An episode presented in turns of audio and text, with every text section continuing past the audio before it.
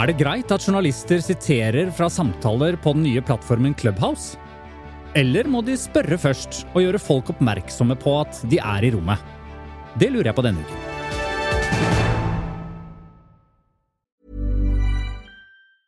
When you're ready to pop the question, the last thing you want to do is second guess the ring. At Bluenile.com, you can design a one of a kind ring with the ease and convenience of shopping online. Choose your diamond and setting. When you find the one, you'll get it delivered right to your door. Go to Bluenile.com and use promo code LISTEN to get $50 off your purchase of $500 or more. That's code LISTEN at Bluenile.com for $50 off your purchase. Bluenile.com code LISTEN. Hey, it's Paige DeSorbo from Giggly Squad. High quality fashion without the price tag. Say hello to Quince. I'm snagging high-end essentials like cozy cashmere sweaters, sleek leather jackets, fine jewelry, and so much more. With Quince being 50 to 80% less than similar brands. And they partner with factories that prioritize safe, ethical, and responsible manufacturing. I love that. Luxury quality within reach. Go to quince.com slash style to get free shipping and 365 day returns on your next order. Quince.com slash style. Og denne uken så er det jo nok en Tut og Medikjør-episode. Eva Sandum, Hei, hei. Svein Tore Bergstuen. Riktig god morgen, som jeg pleier å si. Det pleier du å si. Og nå er det ikke engang i morgen når vi sitter her. Nei, men Det er jo det, det- som er illusjonen, da. Ja, At det er lørdag morgen for folk. Vi kan lure folk trill rundt. Det kan jo være at mange har et dårlig forhold til lørdag morgen, eh, så nå setter du dem i sånn dårlig stemning. Riktig god fredagsmorgen. Der, ja. Er det bedre? God torsdag, god søndag, god lørdag, god mandag. God tur på trikken der du sitter og på vei til jobb. Håper du kommer frem til kikkutstua i Oslo. Alt du Den kan er høre. forresten uh, midlertidig stengt. Ja, stemmer det. Ja, det var så mye gærne folk uten munnbind som drev og svetta rundt der i køen. Men vi skal ikke snakke om smittevernsreglene. fordi eh, Tut og Mediekjør er jo en podkastserie som tar deg litt bak nyhetsoverskriftene for eh, å hjelpe deg litt til å forstå hvordan nyhetene du leser hver eneste dag, blir til. Og eh, vi starter selvfølgelig som alltid med en runde rundt bordet. Det gjør vi. er noe utrolig som har skjedd denne uken. Ja, eh, altså dette er jo Må vi nesten ta uansett hvordan vi vrir og vender på det. Enten vi bare har Tut og Mediekjør-hatten på, eller vi har eh, Baneheia-podkast-hatten på, som vi også har lagd, Kristian. Fordi denne uka så ble det altså klart. Baneheia-saken gjenopptas. Oi, oi, oi. Og det er altså en Så dramatisk. Ja, altså det er en så stor skrell for, eh, for så mange. For eh, rettsvesenet, på mange vis. Fordi at det vi da ikke helt vet, er jo hva som skjer nå. Men man skal huske på at de fleste saker som blir gjenopptatt, eller gjenåpnet av kommisjonen, de fører til frifinnelse. Mm. Eh, og når de bestemmer seg for å ta opp en sak, så er det fordi det er rimelig å anta at den kan få et annet utfall. Eh, enten så fører det automatisk til frifinnelse. At man rett og slett bare, eh, statsadvokaten bare sier at dette er ikke noe vits i å kjøre en ny rettssak, fordi sånn som bevisene står i dag, så, er det ikke noe, eh, så tror vi ikke at vi får vedkommende dømt igjen, og da skal jo de ikke belemre samfunnet med en ny rettssak. Eller så kan de mene det fortsatt og kjøre en rettssak, og da kan det føre til dom, eller kan føre til frifinnelse. Men at den saken blir gjenopptatt, det er jo en Hadde du trodd det? helt ærlig, så jeg tror jeg kan si at jeg håpet på det, for jeg mener at vi ikke kunne være bekjent av noe annet. Men jeg trodde det egentlig ikke helt. Nei. Ja, ikke ærlig. Nei. Så jeg, nei, jeg føler meg helt sånn blir helt lamslått på Mm. mange måter. Og så Ja. er jeg glad for at kommisjonen har sett på dette på en måte som er i tråd med det jeg mener. Altså Jeg mener at det er så mye usikkerhet knytta til den dommen at den bør gjenopptas. Men, øh, men det Det- er en del pressefolk, da. Og redaktører som bør kikke seg bitte litt i speilet de neste ukene. Mm. Og vi skal jo, eh, vi skal jo komme med en ny eh, Baneheia-episode, den avsluttende siste, eh, som heter Hva nå? Hva nå, ja? Eh, Men vi venter litt med den. Vi lar dette nå hvile litt, og så skal vi få tak i noen nye kilder som kan snakke litt med oss etter å ha virkelig tenkt seg om. Kan jeg spørre deg, Eva. Du har jo ikke jobbet med den saken her. Du har blitt kjent med den gjennom det arbeidet vi har gjort. Men når, når, eh, når ble du klar over at denne saken var noe annet enn det, enn det du kanskje trodde, da, for å legge noen premisser inn i spørsmålet? Mm, det var vel gjennom deg og dere i den podkasten at jeg hørte på den. Men hva trodde du før, da? Nei, eh, jeg hadde ikke tenkt eh, noe særlig over at det var bevis der som eh, ikke holdt mål, og så videre. Mm. Eh, Så. Men eh, jeg har en morsom kommentar til det. Bra! Det, vi er trenger en punch på den- slutten her nå.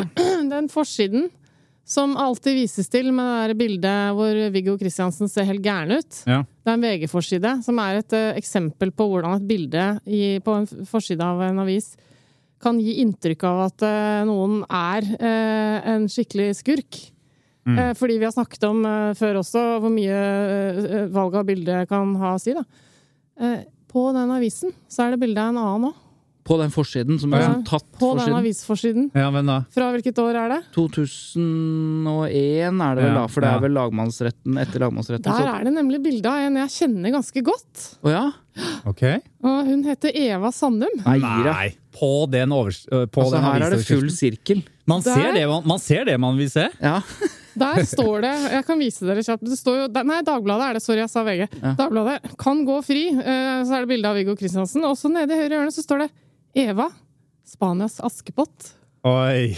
Det, det, det, det følger deg, den, den forsiden med Viggo Kristiansen følger deg altså. Jeg fikk den nemlig på helt, SMS av mannen min. Eh, Se her. Jøss. her.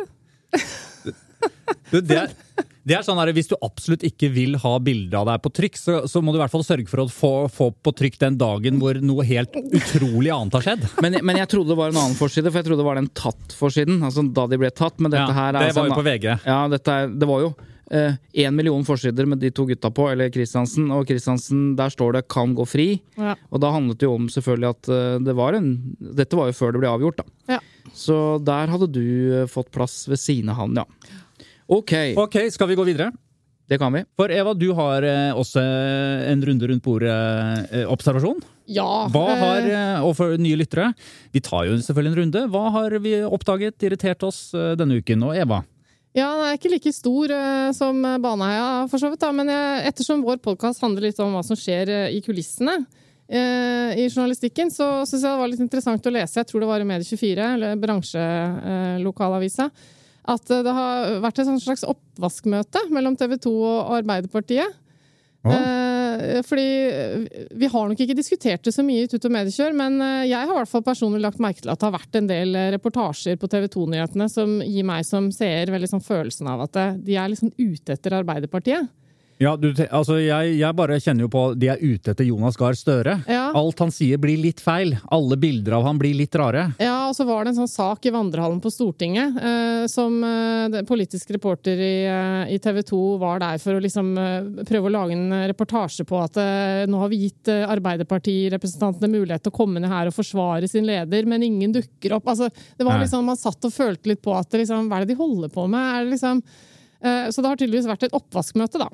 Ja. Jeg vet ikke om du har uh, noe å si uh, rundt det, Nei, jeg er som vanlig sånn relativt uh, Interessert, liksom, uinteressert i oppvaskmøter? Bedagelig eh, Sitter og tekster med mobilen, Ja, for nå- fordi nå- han er flink til å gjøre to ting på en gang. Han Men tydeligvis skjønner- ikke, Fordi nå var, jo, nå var du jo helt ja, ute her. det det. Jeg vet akkurat hva dere snakker om. Dere okay. snakker også om TV 2, som, som jo jeg er rådgiver for. Og da setter jeg meg litt tilbake bare for å lytte og høre. Ja, er, sånn, det noe jeg, er det noe jeg kan, Du kan diskutere snakke om TV 2. Du Ja, kan jo det. Av, jeg Dette har jeg vært igjennom. av vane så setter jeg meg litt tilbake Ja. Jeg syns dere bør høre på episode 13 ja, som vi har laget. Ja. Der eh, snakket vi om det.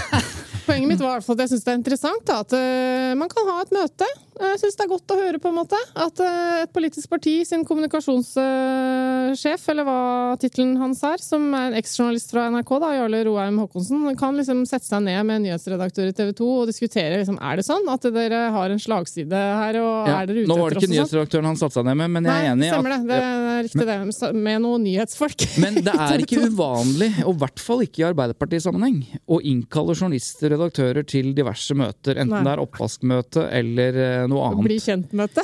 Ja, ikke det, og det er litt sånn småfrekt. Ja, nei, men Eller ikke til en øl. Eller, Ja, ikke sant? Ja. Jeg vet ikke om dere husker det, men, men eh, i forbindelse med valget i eh, 2019, tror jeg det må bli, altså forrige stortingsvalg, ehm, så eh, innkalte i forkant eh, så innkalte Arbeiderpartiets eh, sekretariatsleder eh, en del journalister og redaktører. Eh, det er Hans Christian Amundsen, som dessverre gikk bort altfor tidlig, som var denne skal vi kalle det litt eh, innflytelsesrike, mektige sekretariatslederen, og innkalte journalister og redaktører, ikke til Stortinget, men han kalte det inn på et av de liksom mest legendariske møterommene på Folkets hus i Arbeiderpartiet, hvor det henger, hvor disse gamle gubbene, Håkon Lie og Einar ja. Gerhardsen henger rundt. Ja, folk kom. det er der sentralstyremøtene i Arbeiderpartiet eh, sånn, Ja. og ga dem, eh, så vidt jeg kunne lese ut fra Da hadde jeg sluttet der, eh, men eh, så vidt jeg kunne lese ut fra referatene, forsøkte seg på en ganske grei, gammeldags Arbeiderparti-hersketeknikk, liksom. Er dere klar over hva dere holder på med? Og liksom prøvde å skulle ta det i skole, da. Det ble kritisert, eh,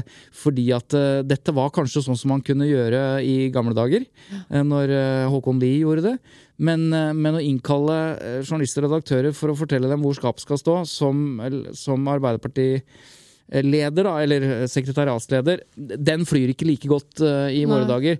Eh, Så det er, ikke helt, eh, det, er ikke, det er ikke helt uvanlig å gjøre det, men det er jo hyggelig å se at de møtene har nok en litt annen type tone i dag. Det er en, en, et genuint ønske fra både redaksjonen antageligvis og, og, og, og det politiske partiet å komme fram til at ok, vi må vel vi må jo jobbe sammen, vi må ha en viss tillit her og la oss høre på hverandres argumenter. Og det, det er jeg for. Men å innkalle noen for å refse de, det tror jeg vi må slutte med. Men det høres, er, er det ja, Du sier at det, det skjer innimellom, men eh, jeg bare klarer ikke helt å forestille meg at det skjer i eh, New York, Washington Post. Altså, Oi, hvor, hvor svære er, er, Pleier man å ha sånne møter? Det virker Masse. så veldig koselig og litt for tett tette bånd. Nei, det er, Nei, det Ja. jeg tenker tvert imot. Ja, det er viktig at folk snakker sammen. Dette skjer jo mellom, eh, det, eh. Dette skjer jo mellom eh, kongehus og redaktør og sånn òg. Av og til så har de møter om liksom for å skape en eller annen form for forståelse og forventning. Da. Og Rollene er jo klare. Vi er journalister, sier de. Vi må gjøre dette. Men det kan være informasjon som er viktig å ha. Og det slekter også på de samtalene hvor f.eks. redaktører i store norske mediebedrifter ringer, ringer f.eks. hovedpersoner i, i store saker med mye kritikk og mye ikke sant? For å rett og slett, Eller ringer de rundt for å si sånn Ok, eh, vi vil gjerne vite hvordan det står til her, rett og slett, fordi vår dekning er sånn og sånn. Så det å ha den type bakenfor-samtaler, det er helt vanlig. Men Eva, hvor, eh, altså, hvordan fikk du høre om dette oppvaskmøtet? Jeg leste om det på Medie24, men jeg eh, så i Medie24 sin artikkel at eh, første gang det ble omtalt, var i et Clubhouse-arrangement i regi, Ah. i regi av den avisa Medie24. Da.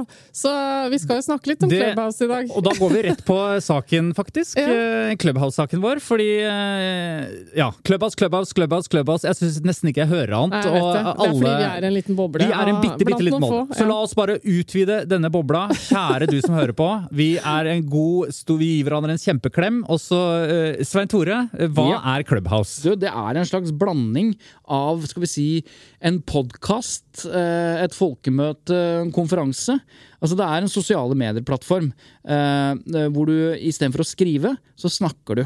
Og så inviteres du, eller lager selv, egne eh, rom, hvor folk da som følger deg, kan bare poppe inn, og så ser du et lite bilde, et ikon, og så står det et fornavn. Det er også litt interessant. Det står bare fornavn, ikke etternavn. Så der, står, der er alle på like Kan du klikke på det bildet og så lese om dem og sånn? ja, da, kan du, Mm. da får du vite litt mer, da. Men poenget er i hvert fall at det er en helt ny eh, sosiale medieplattform med opprinnelse i USA, men som er annerledes på ulike måter. For det første så kan du ikke bare bli medlem, du må få en invitasjon eh, fra Men noen. det er jo bare en, en lanseringsstrategi, så, så det er jo liksom det er en kortvarig, et kortvarig problem som vi godt kan sveipe innom. Ja. Men basically så er det jo en, et sosiale medier, en plattform som baserer seg på lyd, som er bare direkte, og når det er ferdig, så er det borte. Ja, Men det er, det er vesentlig, det er flere som har stilt spørsmål og problematisert at det er invitasjoner, for da virker det jo mye mer lukket enn alle Ja. andre sosiale medieplattformer. men jeg syns den er litt unyansert, den debatten, for at den er lukket nå. Men det er jo åpenbart.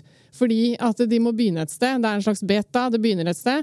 Og så kommer det til å komme ut og bli dritsvært. Men eh, det er jo allerede litt bugs og sånn, så de må ta det i skritt. Jeg tror det er det. Jeg tror ikke det er så mye lanseringsstrategi for å skape interesse, men rett og slett jeg tror ikke de har Nei, de har altså, De er redd for at det skal knele. Ja. Se for dere, det har jeg tenkt litt på, se for dere det øyeblikket eh, Donald Trump kommer seg på Clubhouse.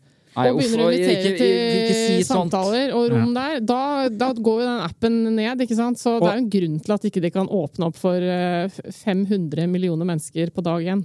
Og, men altså, Grunnen til at det er et viktig spørsmål om det er åpent eller lukket, er jo nettopp fordi at det er en del nå inne i disse forskjellige rommene som har begynt å bli redde for at eh, journalister sitter og tyvlytter på benkeraden der. Helt bakerst i rommet. Apropos bruk av ord. Tyvlytter. Ja, ja, ja! Altså, er Journalister de tyvlytter, mens vi andre vi bare lytter, da. Ja, ja, ja, ja, ja. ja det er gøy. Det, er fordi, det passer så godt å si tyvlytter i denne saken nå. Eh, fordi, at, og da er jo det store spørsmålet Journalister som deltar på en måte passivt i en prat, eh, sier ingenting. Eh, du, men du ser at de er der, og, men ofte så står det jo ikke i tittelen at de er journalister, men man kan vite det. Og det står i bioen sannsynligvis, da, Ja. hvis du klikker på dem. Ja, men ja. poenget ditt er eh, Poenget mitt er jo da Mm. Kan eh, da journalistene eh, begynne å sitere og ta opp eh, og skrive ned hva folk sier i dette rommet, Mm. Eh, og bruke det i sin egen avis eller på sin egen nettavis? Før vi svarer på det, vi kan jo se for oss hvordan det er da, å være helt totalt ukjent med presseetikken og være i et rom hvor du plutselig eh, er sammen med ganske kjente mennesker, kan være. Du får anledning. Det er noe av det som er fascinerende. Merker jo at folk blir litt starstruck der. Ja, ja. Det er litt sånn Oi, endelig kan jeg prate, liksom, være i rommet med Mats Hansen, eller Eller med, Fredrik Skavlan, eller Ja, Hvem blir du starstruck av der, Eva? Mats Hansen? Nei, ingen. Du skal litt til. Nei, men Skal poenget er i hvert fall Ok, du er der. Og så og, så- og, og du klarer ikke helt å relatere det til Facebook, for da vet du at hvis du skriver en statusoppdatering, så har du ikke opplevd de fem årene du har vært på Facebook, eller ti årene, at noen har interessert seg for det. I hvert fall ikke journalister. Men så kommer du på Clubhouse, Ja. og, så, og så opplever du kanskje at, at du nærmest blir mer interessant. Da. Altså, I hvert fall i den forstand at kan noe av det jeg sier, blir, ja, blir sitert eller komme i avisen. Ja. Eh, Og kan det det? Og så, ja, men bare først, fordi at det, Man sier at det er udemokratisk og lukket, og sånn, ikke sant? men på den andre siden så tror jeg veldig mange av de få da, som har kommet inn der nå foreløpig, de opplever det jo demokratisk på den måten at de plutselig sitter i et rom og diskuterer med, med digital di, eh, Hva heter det for noe? Digitaliserings- og Nei, men hun er to ting. Distrikts... eh, Distrikts- og dig digitaliseringsministeren. Og plutselig kan liksom stille henne et direkte spørsmål, få svar, være i et Aldri rom Aldri opplevd det før. Ikke sant? Så de, de som opplever det, eh, får jo en følelse av at eh, wow. Demokrati er ikke bedre enn Og i- dette. I går så ramla jeg forbi eh, at det sto Brad Pitt var med i en samtale, og jeg gadd ikke å gå inn der, for jeg tenkte det er sikkert bare en som har kalt seg Brad Pitt. Da. Du Men ringer han senere den uansett, følelsen snakk om starstruck. Hvis Ja. man liksom plutselig kunne sitte der og stille spørsmål til folk Ja. som man liksom Det er jo noe gøy med det. Ja, ja. Men tilbake, jeg syns det er Ja, for hva, hva Hva, gjelder det ja, regler? fordi Det er jo litt viktig nå, da. Er det sånn at man eh, må bare forvente at journalister kan sitere deg når du er inne i eh, et sånt rom og Ja og nei, vil jeg si. Ja, Ikke sant? Da går vi videre. Neste sak. fordi at okay, først la, ja. la, la det ikke være noe tvil. Dette er jo et, en plattform som må karakteriseres som offentlig, uansett eh, hva folk måtte tenke og føle om dette Clubhouse-greiene. Okay. Så er det, det er jo en offentlig eh, plattform. Ok. Men, så det betyr at journalistene hittil eh, de, eh, de, eh, de forholder seg til Clubhouse på samme måte som andre sosiale medier eller andre plattformer osv. Men hva betyr det? Jo, det betyr jo at det er jo Det fins jo ingen dekning for eller, eller begrunnelse for at du som journalist kan bare ta noe hvilken som helst fyr sier, og, og, så, og så sitere det i avisen. For hvorfor skulle du gjøre det? Hvis, hvis, hvis personen ikke har, noe, ikke har noe makt, ikke har noe posisjon, ikke har noe rolle, og ikke sier noe som er helt borti staur og vegger, da, enten det er trusler eller hva det måtte være. Det betyr at ingen journalister jobber i dag på den måten. at de bare, Hvorfor skulle, det, hvorfor skulle plutselig journalister bli interessert i hva hvermannsen sier? Nei, men, men man kan jo Jeg ville jo tenkt at øh, hvis jeg hadde vært en journalist og skulle sjekke ut sånt Ja, hva er trøkket blant, øh, blant øh, folk? Og Så, så hadde jeg vært inne i et sånt rom, og så hadde det vært noe debatt der, så kunne jeg jo ha skrevet kanskje da Folket tenker at dette er rart. Altså, jeg kunne brukt en sånn øh, Ja, ja. Ja, Du må kunne referere fra hva som skjer i rommet, uten at du identifiserer og siterer noen helt uh, direkte. Det, Ja, det, Ja, så så da, den har vi grei, da. Der er det lov til å sitere. På Ja. det nivået der. Ja, hvis du bare sier at stemning noen sa og sånn, så, så lenge det er anonymt, så er jo ikke det i utgangspunktet noe problem. Ja, men, kan, men kan jeg på en måte si Ok, nå var det cirka tre Nå var det 500 mennesker der. Ja. Kan jeg da si at eh, stemningen i samfunnet er Nei. eh, Altså, hvor Det noe kan du ikke si. Nei. Men det er Men du annet kan på si at stemningen i et rom med 500 mennesker i en samtale på Clubhouse om dette Den var, var- eh, sånn. Den var usikker. men, men tilbake igjen til hvem man kan sitere og ikke Ja. sitere. For Ja. det, det er jo som Eva sier, det er nei og ja. Altså Vanlige personer som lurer på dette, de er jo da vanligvis ikke blitt intervjuet uh, i andre steder. Det er derfor de lurer på hvilke regler som gjelder. Uh, og de kan ta det helt med ro, okay. mener jeg. De kan det- ta det helt med ro. Det er, ok, det er bra. Og det gjelder da også på Facebook og Instagram. Ja, for det som skjer er at hvis de sier noe som kanskje skulle være interessant, da, la oss si vi vipper opp dette og sier det ikke er hvermannsen, men det er en lege på Grünerløkka da, som uttaler seg om vaksiner og sånn, og, da, og, og en lege har jo et ansvar som lege for pasienter osv., og, så videre, og hvis vedkommende sier noe helt borti stauer og vegger, så vil en journalist tenke dette er en lege som øh, altså hadde, hadde hun sagt dette på Facebook, så måtte hun stått til ansvar for det. Så da kan det skje at journalisten antageligvis ringer opp og sier 'jeg hørte deg på klubba' og sånn og sånn, eh, da sa du dette. Hva, eh, kan jeg øh, lese deg dit hen at du mener dette? Og i så fall, nå er det en intervjusituasjon. Premissene for samtalen gjøres klar, og du, og du gjør dette da, intervjuet utenfor Clubhouse. Ja. Der, eh, det vil skje nå, tror jeg, i mange sammenhenger, at det blir sagt og da også et positivt fortegn. At vi journalister sitter inne og lytter på stemmer. Spesielt er det mange eh, med minoritetsspråklige og innvandrere med innvandrerbakgrunn som er der, som mener veldig mye og snakker. Som er kjempebra kilder for journalister som skal lage saker. Da vil de oppleve at de kanskje får en telefon etterpå av en journalist. Og da er det jo ryddig, for da, da gjøres premissene klare. Det er veldig bra. Um, men ja, Eva, skulle du si noe? Ja, altså Jeg tror man kan faktisk eh, sammenligne det litt med at det foregår en åpen samtale som det er invitert til på et klubbhus. I lokalområdet ditt. Altså i offentligheten. Ja, og så, ikke sant, Et eller annet sted i lokalområdet så er det et klubbhus, det er en samfunnssal, et eller annet sånt nå, og så inviteres det til en debatt om, eh, om eh, smittevernreglene i lokalsamfunnet, da, eller om hvordan har ungdommen med minoritetsbakgrunn eh, her i bygda vår, eh, bla, bla. Et eller annet. Og så tror jeg det er der, ikke sant? Og så er det 100, 200, 500 stykker til stede der, men alle opplever at det er bare et sånt lokalt møte. Og så står det en journalist i salen som er der, kommet inn, det er åpne dører, det er åpent møte, men ingen vet at det er en journalist nødvendigvis. I hvert fall ikke alle. Og så foregår det noe der.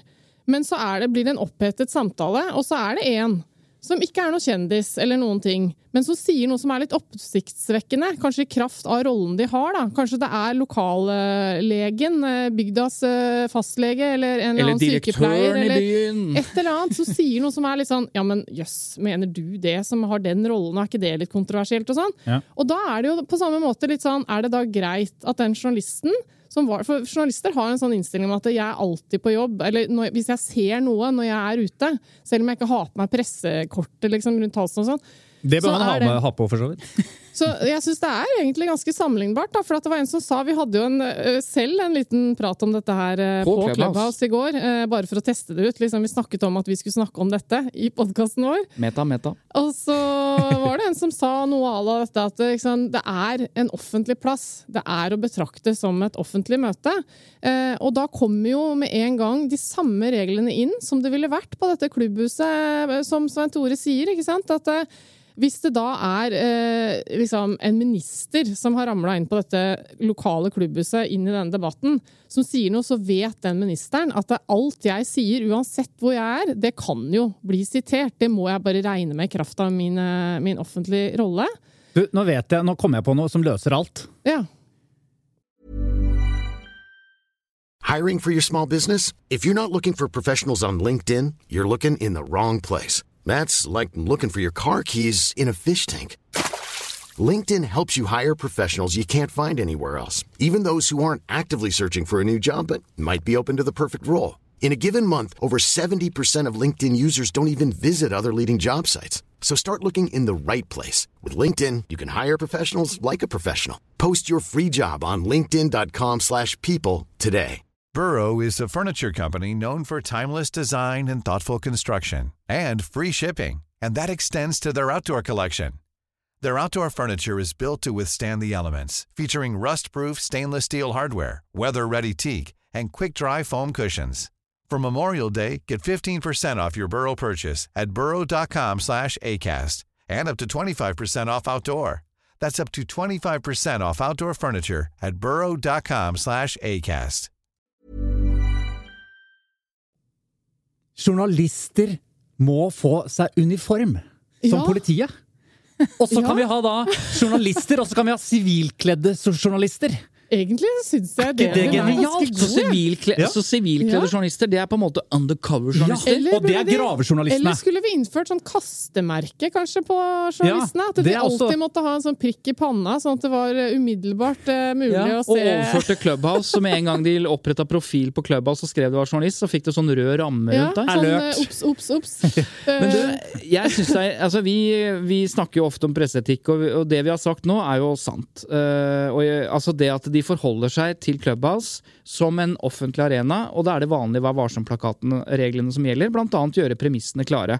Og Det er jo det som gjør at de ikke bare sit, vil sitere hvermannsen for Opptre hensynsfullt Ja. osv. Det er flere punkter i varselplakaten som er relevant også i situasjonen. Men Clubhouse. hvis Linda Katrin Hofstad Helleland, som er denne ministeren som har vært mest der, og fått kritikk for det for så vidt, av andre grunner og personvern og sånn, Ja, bare fortell hva skjedde der. For hun var jo inne der og ble sitert i avisen. Ja, det ble hun sikkert også. Poenget er i hvert fall at hun var en av de første som tok dette i bruk og fikk, kritikk for det, fordi det oppfattes ikke som det er eh, bredt nok, da, ikke sant. Alle kan jo ikke være med, men eh, det, det gjelder jo mange politiske møter som ikke alle kan være med på, selv om det er åpent. Ja, og så var det et rom hvor det ble diskutert Clubhouse, og så Hans Petter Nygaard Hansen, som er en sånn øh, Hva skal jeg si, en blogger, da, og samfunns... Altså en debattant og Ja, og kommentator og sånn. kunnskapsrik på teknologi og teknologi ja, og Som stilte noen spørsmål i et rom til henne om øh, digital sikkerhet og, og personvern og GDPR-er og sånn rundt klubba, som, som det har vært øh, mye GDPR. Ja, Ja, Ja, det, det er det Det er re- det europeiske regelverket for personvern og sikkerhet. Ja. Som egentlig alt som uh, fins der ute, må forholde seg til eh, overfor europeiske brukere. Da. Og så, tar jo, så var det noe sånt at at eh, minister Linda da svarte det tar jeg bare for gitt at er på stell. Nå, Ja. nå siterer ikke jeg riktig, altså, Nei, nei, sånn det. det Nå er siterer du feil. Etter husken. Eh, Men etter husken eh, så var det omtrent eh, sånn, og det syns han var altfor svakt av en digitaliseringsminister. Poenget er at hun, som jo er minister og har vært i norsk offentlighet i 20 år, hun vet jo at hun går inn på det rommet, og det er journalister der. Så, er, så, er, så kan hun bli sitert, også uten å nødvendigvis få den oppfølgende telefonen hvor de sier at eh, hei, det er det greit at jeg siterer deg. For hun som minister vet jo at, og må regne med, og- det er jo presseetikken skrudd sammen for å liksom ta vare på, hun kan bli sitert på dette, for hun har den makta, den rollen osv. Og det er en, eh, en detalj i det som er veldig selvsagt i, eh, internt i pressen, men som ikke er så selvsagt for deg som hører på, kanskje. Og det er at det er forskjell på rutinerte og urutinerte kilder.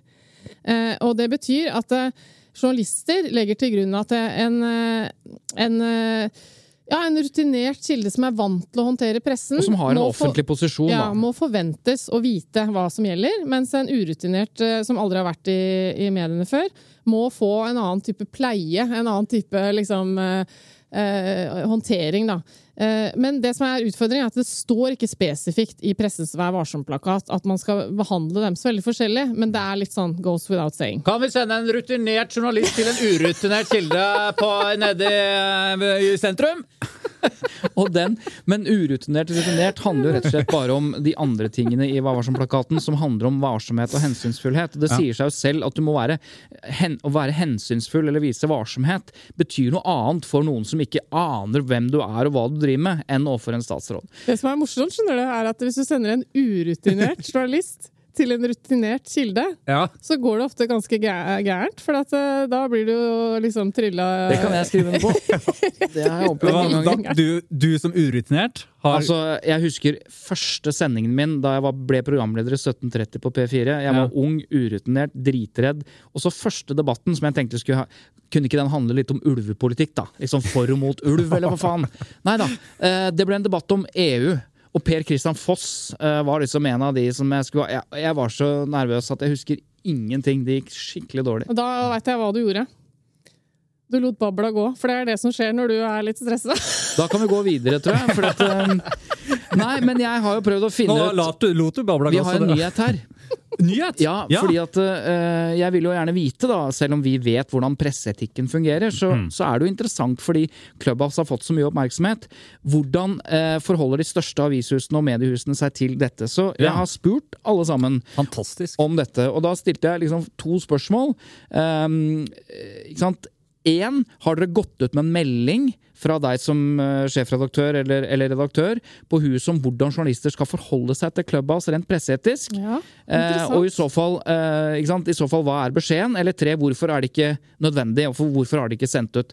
Og dette har jeg da sendt til Aftenposten, VG, TV 2, NRK og Dagbladet. Uh, og hvis dere er interessert, så skal jeg bare komprimere svarene. Ja, uh, veldig kjapt. Ja, Men Svein gjør det komprimert, da. Ja. Jeg er veldig interessert. Aftenposten, VG og TV 2 sier omtrent det samme, altså at de forholder seg til Clubhouse som de forholder seg til andre sosiale medieplattformer. Aftenposten sier at eh, enhver journalist er ansvarlig for å ikke koble seg til datainnsamling som truer kildevernet. Det skal vi komme litt eh, inn på. Dernest er de ansvarlige for å ha en atferd i sosiale medier og på alle andre plattformer som ikke skader deres og Aftenpostens integritet. Vi har ikke egne regler for hver plattform som kommer. Ok? Så det er liksom Aftenposten. Og VG sier at uh, foreløpig er det kun beskjed om å vise varsomhet med å dele informasjon og kontaktlinser. Kontaktlister. Det er det viktigste nå.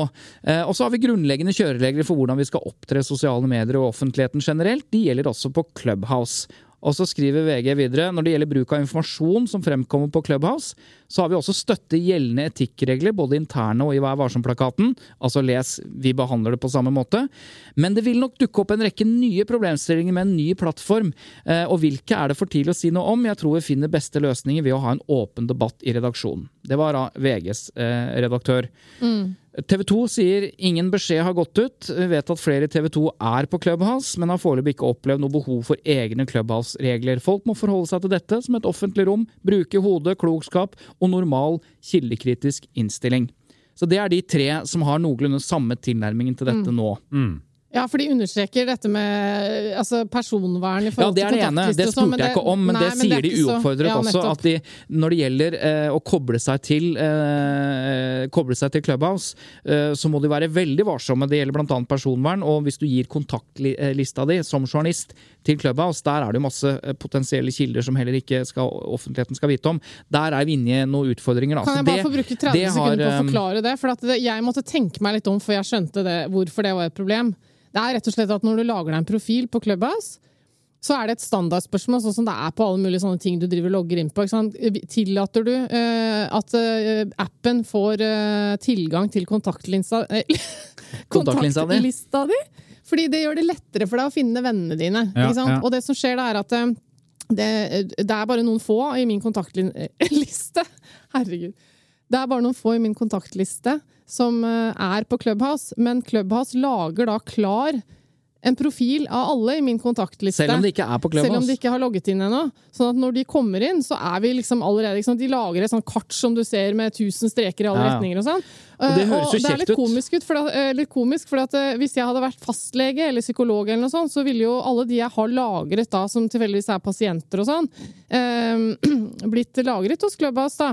Eh, og så, så kan folk plutselig se liksom hvem som er kontakt og venner med hvem. Å ja, så hun er venner med han Hvorfor har, psykologen felles, der. Og, hvorfor har vi felles psykolog? har vi samme gynekolog? For den tar jo alt som er eh, Ja. av liksom ja. Så Men- det er jo grunnen for at det kan være nummeret på en telefon hos en journalist til en eh, hemmelig kilde, da, for eksempel. Men så er det interessant, for, V- for NRK har bestemt noe helt nytt denne uka. Ah, ja. okay. Det har gått ut en beskjed fra redaktørmøtet i NRK, og de sier at de vil gjøre en ordentlig vurdering av appen som tredjepartsplattform. Altså Tredjepartsplattform er jo sånn Sosiale medier er jo en tredjeplattform for, for NRK-stoff som legges ut på Facebook. Ja, Nettopp. Og der har de da altså bestemt at inntil videre eh, så skal NRK ikke publisere eller drive redaksjonelle aktiviteter på Clubhouse. Eh, det, er øvrig, det er for øvrig ingen pålegg eller føring for enkeltjournalister, men vi oppfordrer til varsomhet med tanke på personvern og, og sånn. Ok, Ja, ja. Sånn at eh, de har bestemt at de skal ikke, der skal ikke NRK-programmer eh, som de har gjort til nå, ha sånn ettersnakk, sånn som vi har hatt på Clubhouse etter sånn. De skal, de skal stoppe med det inntil videre. Ja. Og den siste er Dagbladet, som er den, eh, den andre som faktisk har sendt ut eh, en melding til sine journalister. Og Dagbladet oppfordrer da medarbeidere til å bruke sosiale medier. Overordnet er sosiale medier et verktøy som for oss, da, for kommunikasjon og informasjon eh, fra f.eks. nyhetskilder, intervjuobjekter og lesere. Vi har egne retningslinjer for bruk av sosiale medier. Sitatreglene for Clubhouse følger per nå vanlige retningslinjer i sosiale medier. Altså hvis en person i en offentlig rolle sier noe av allmenn interesse, begrepet allmenn interesse som dere kjenner, kan dette siteres i journalistisk sammenheng. Det vanlige er å i tillegg kontakte kilden for utdypende kommentarer. Spesifikt for Clubhouse er dette et umoden produkt med store utfordringer når det gjelder personvern, og der kommer den biten heller, som handler om at man ikke skal dele redaksjonelle kontaktlinser osv. Det krever i hvert fall høy bevissthet og varsomhet. Men er dere med? Ja, det, vi Bra er med på jobba.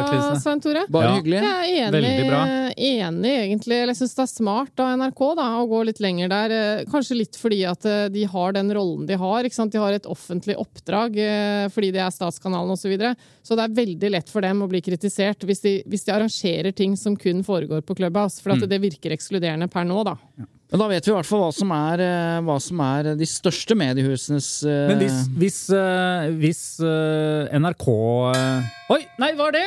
Det var jo Det pling. var jo pling! Pling Åh, i F... Nå er det noen som ikke har gjort jobben sin. Nå, det, dette er for eh, nye, nye lyttere. Dette er altså plinget som skjer nå og da i eh, Tut og Mediekjør-episodene, fordi da har det vært en fellelse i PFU. Jeg Men setter over Vil du kalle det pling, eller? Jeg syns det er mer et boing. Ja, Boeing. er- Jeg er mye gladere i boing, faktisk. Så da Det Ja, har, du hørt, har du hørt begrepet Boeing-fest? Plingfest. Ja, Plingfest er jo Er det ikke det det heter? Når Ja. eh, gamle på, så på tippekampen, og så kom det pling, for da var det en scoring i en annen kamp, og nå må Ja. du drikke. Ja, Gong var det mer, kanskje? Gong, ja. ja. Nei, Men, det var plingfest. Ok, greit. Ja. PFU-gongen. Uansett ja. gong, gong. så har det vært en felles i PFU, og jeg setter da over til PFU-mester. Tidligere deltaker. PFU-korrespondent. Den sitter ikke helt. PFU-korrespondenten. Eller, eller, som du pleier å si, Eva Sandum, 14 år i PFU. Altså, du har sagt det, Nå er det lenge siden, da, men du sa det så mange ganger i våre første episoder at når sønnen min skulle skrive skrive julekort til meg i nå i jula, så skrev han 'Kjære Eva'. 14 år i PFU. Ja, det er veldig gøy. Er Veldig gøy.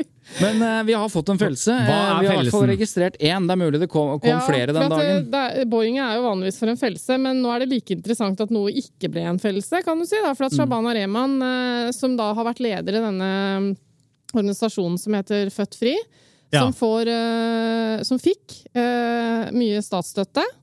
Eh, har jo, som de fleste sikkert kjenner til, vært i hardt vær i mediene.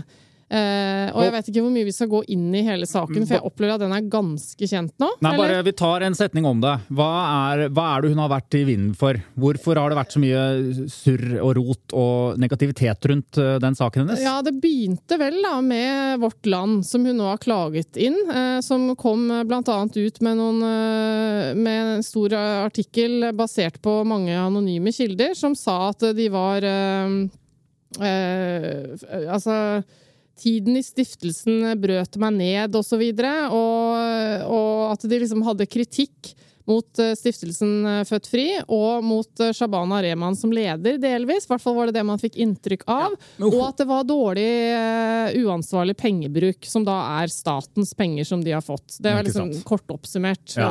Altså. Hovedkritikken, eh, sånn som jeg oppfattet det, det var jo at det var økonomisk rot. At de hadde vært Mm. i London og sett teaterstykker og vært på Son og drevet med spa, og så viste det seg at det var Alt er ikke statens penger. ja, og det var vel ikke helt sånn som vi fikk inntrykk av, men poenget er i hvert fall at det var jo et revisjonsfirma, Ernst Young, som var inne og, og liksom kom med en knusende rapport. Og, Det kom etter hvert, ja. Mm. ja, ikke sant? Og så ble det jo fratatt statsstøtten, og det ble jo kjempetriste Ja, kjempetriste så det fikk store konsekvenser for denne stiftelsen eh, Født Fri. ikke sant? Ja, De ble jo konkurs. Ja, øh, Og mistet mistet all støtte. statsstøtte. Mm. Og så, øh, derfor så øh, klaget da Shabana Rehman eh, eh, Vårt Land.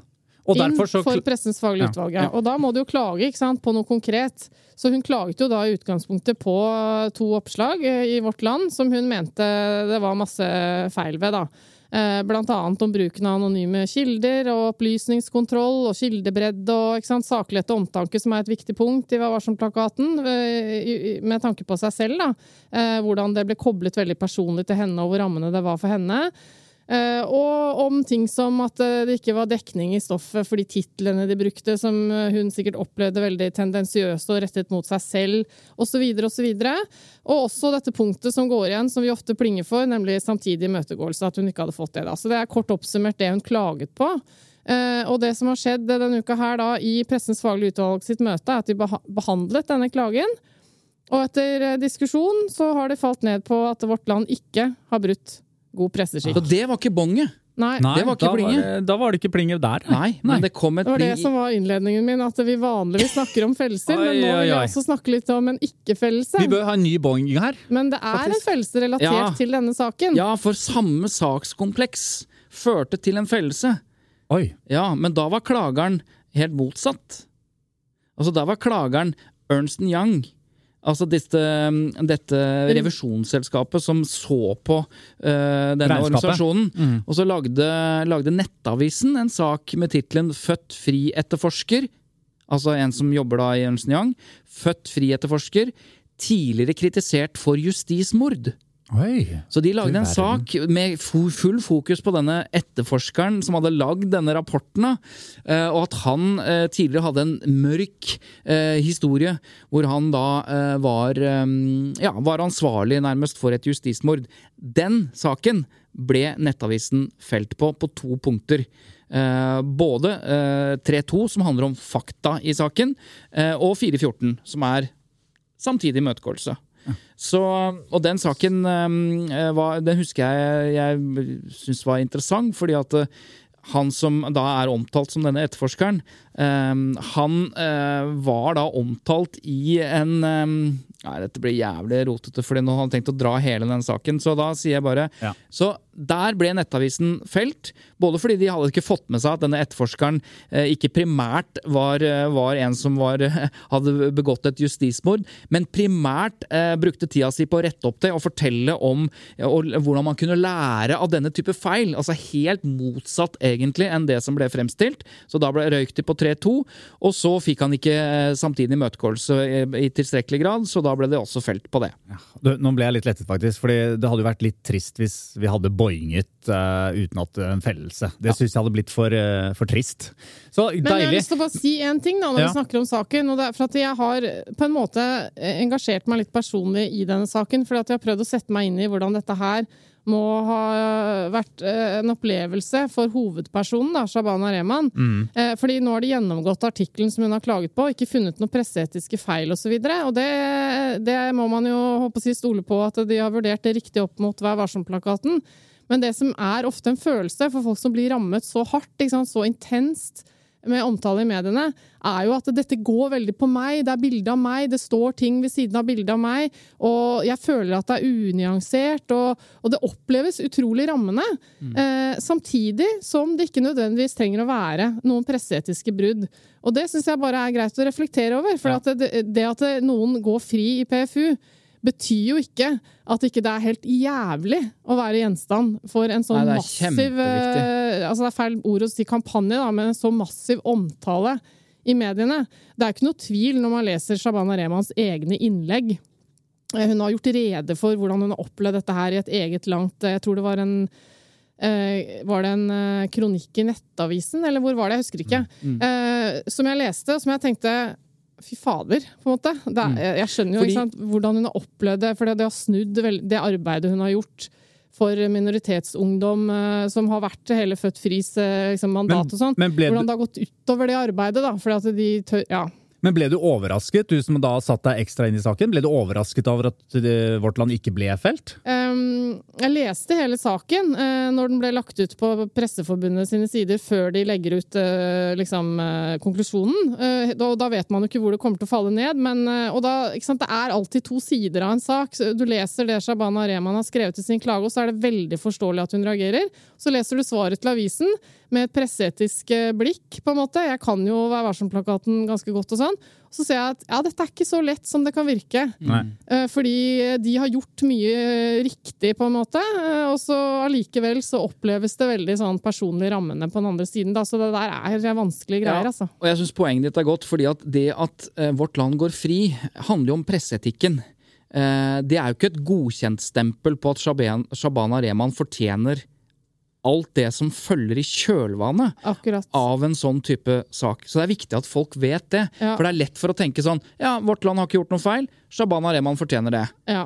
Ja, og fortjener oppmerksomhet, fordi det handler om kritikkverdige forhold. Og offentlige penger videre. Absolutt. Ja. Men det å sette seg inn i hvordan hun har hatt det, og de har hatt det, da kan man begynne Da kan man ikke nødvendigvis bruke ordet fortjener, da. Men ja, jeg for bare saken bare nå er jo en vurdering av hva Vårt Land som publikasjon har gjort. Om de har gjort jobben sin sånn, de, sånn som de skal Ja. i forhold til uh, presseetiske normer. ikke sant? Og det har de da ifølge PFU. Men den gongen gongen din, kan du bare ta den en gang til, og så smeller du tre ganger etter Ja, vent da, nå skal, Tre, jeg, nå skal jeg bare finne her. Ja.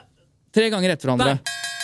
Fordi vi må si når vi snakker om fellelser i PFU, at nå nevnte vi Nettavisen, som er felt på bl.a. 414, samtidig imøtegåelse, at de ikke har gitt mulighet til å uttale seg eller forsvare seg i samme sak. Og så ser vi også at det er to fellelser til på nøyaktig samme punkt. 414. Og dette har vi snakket mye om. Kan det være så vanskelig?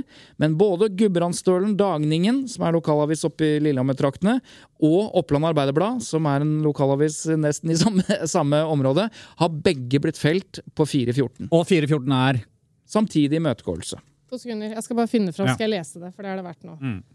Ja, for dette punkt 414 som Svein Tore snakker om, er jo altså en regel som sier at de som utsettes for sterke beskyldninger, skal, hvis det er mulig, ha adgang til samtidig imøtegåelse av faktiske opplysninger. Det vil si at hvis du blir utsatt for sterk kritikk, så må du bli forelagt den kritikken før publisering, Ja. sånn at du får muligheten til å svare på det. For det kan hende det er noe feil i påstanden. Da får du muligheten til å rette det opp. Eller det kan hende du har noe å si til ditt forsvar som er viktig at leseren og publikum får høre Og grunn- samtidig. Og grunnen til at vi stresser dette, Kristian, er at dette er det ene punktet i Vær varsom-plakaten som er det som flest blir felt på.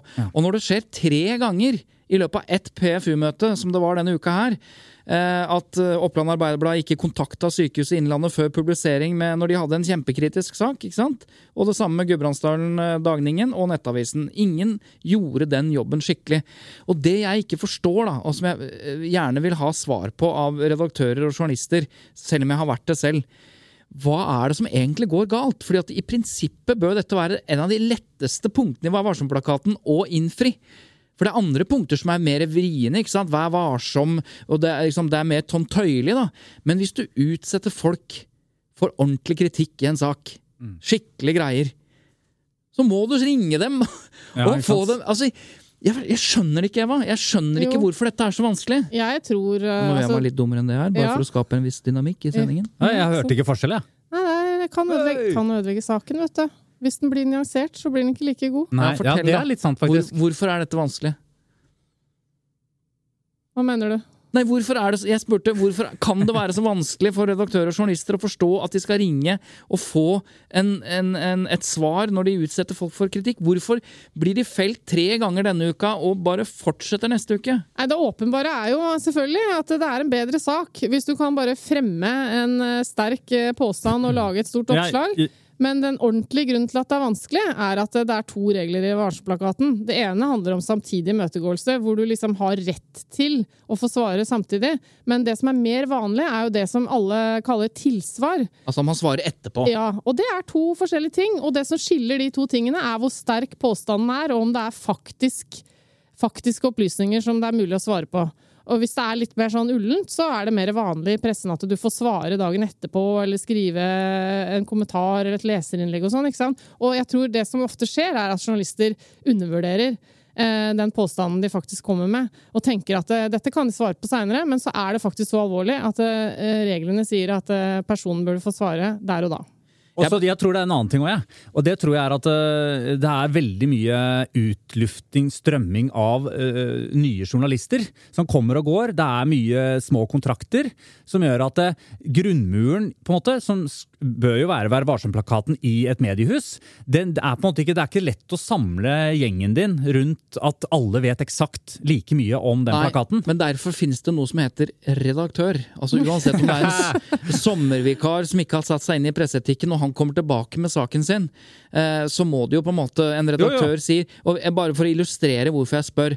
I tilsvaret, da, eh, i, i klagen Dette gjelder Gudbrandsdølen Dagningen og den saken de hadde om Sykehuset Innlandet. Og på, i tilsvaret ansvarsrunden, altså når man forklarer hvorfor man har gjort som man har gjort, Ja. så, så, og hvorfor de ikke har tatt kontakt. Hvorfor har de ikke tatt kontakt? Så skriver de, sitat, vi har ingen tro på at det ville gitt noen andre kommentarer, eller at saken ville fremstått særlig annerledes enn den gjorde ved publiseringstidspunktet, men akkurat på dette punktet tar vi selvkritikk.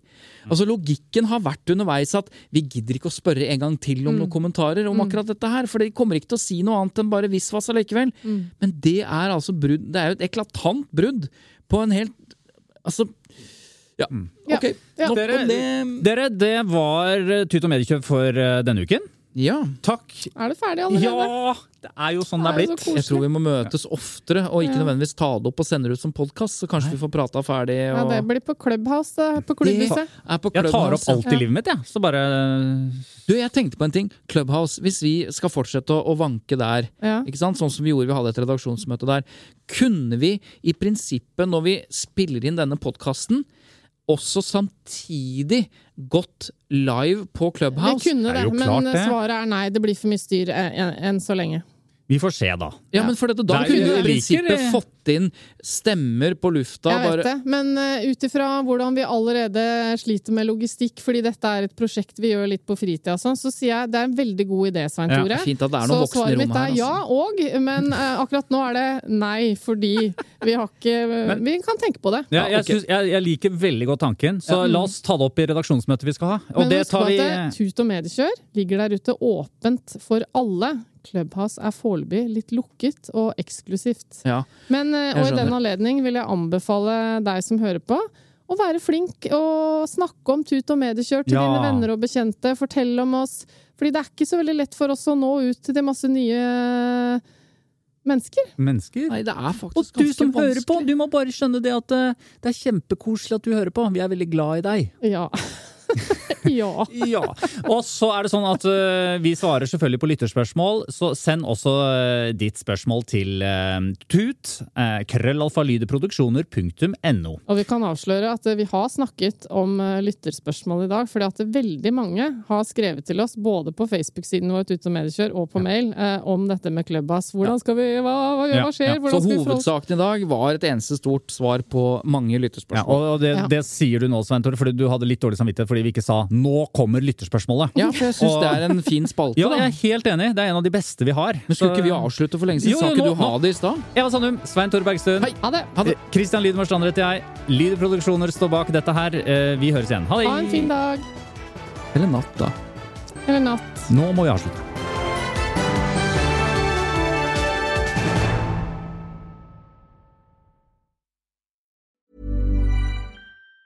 Planning for your next trip? Elevate your travel style with Quince. Quince has all the jet setting essentials you'll want for your next getaway, like European linen, premium luggage options, buttery soft Italian leather bags, and so much more. And it's all priced at 50 to 80% less than similar brands. Plus, Quince only works with factories that use safe and ethical manufacturing practices. Pack your bags with high-quality essentials you'll be wearing for vacations to come with Quince. Go to quince.com slash trip for free shipping and 365-day returns. Hi, I'm Daniel, founder of Pretty Litter. Did you know cats tend to hide symptoms of sickness and pain? I learned this the hard way after losing my cat, Gingy. So I created Pretty Litter, a health monitoring litter that helps detect early signs of illness by changing colors, saving you money and potentially your cat's life. Pretty Litter is veterinarian developed, and it's the easiest way to keep tabs on your fur baby's health right at home. Go to prettylitter.com and use code ACAST for 20% off your first order and a free cat toy. Terms and conditions apply. See site for details.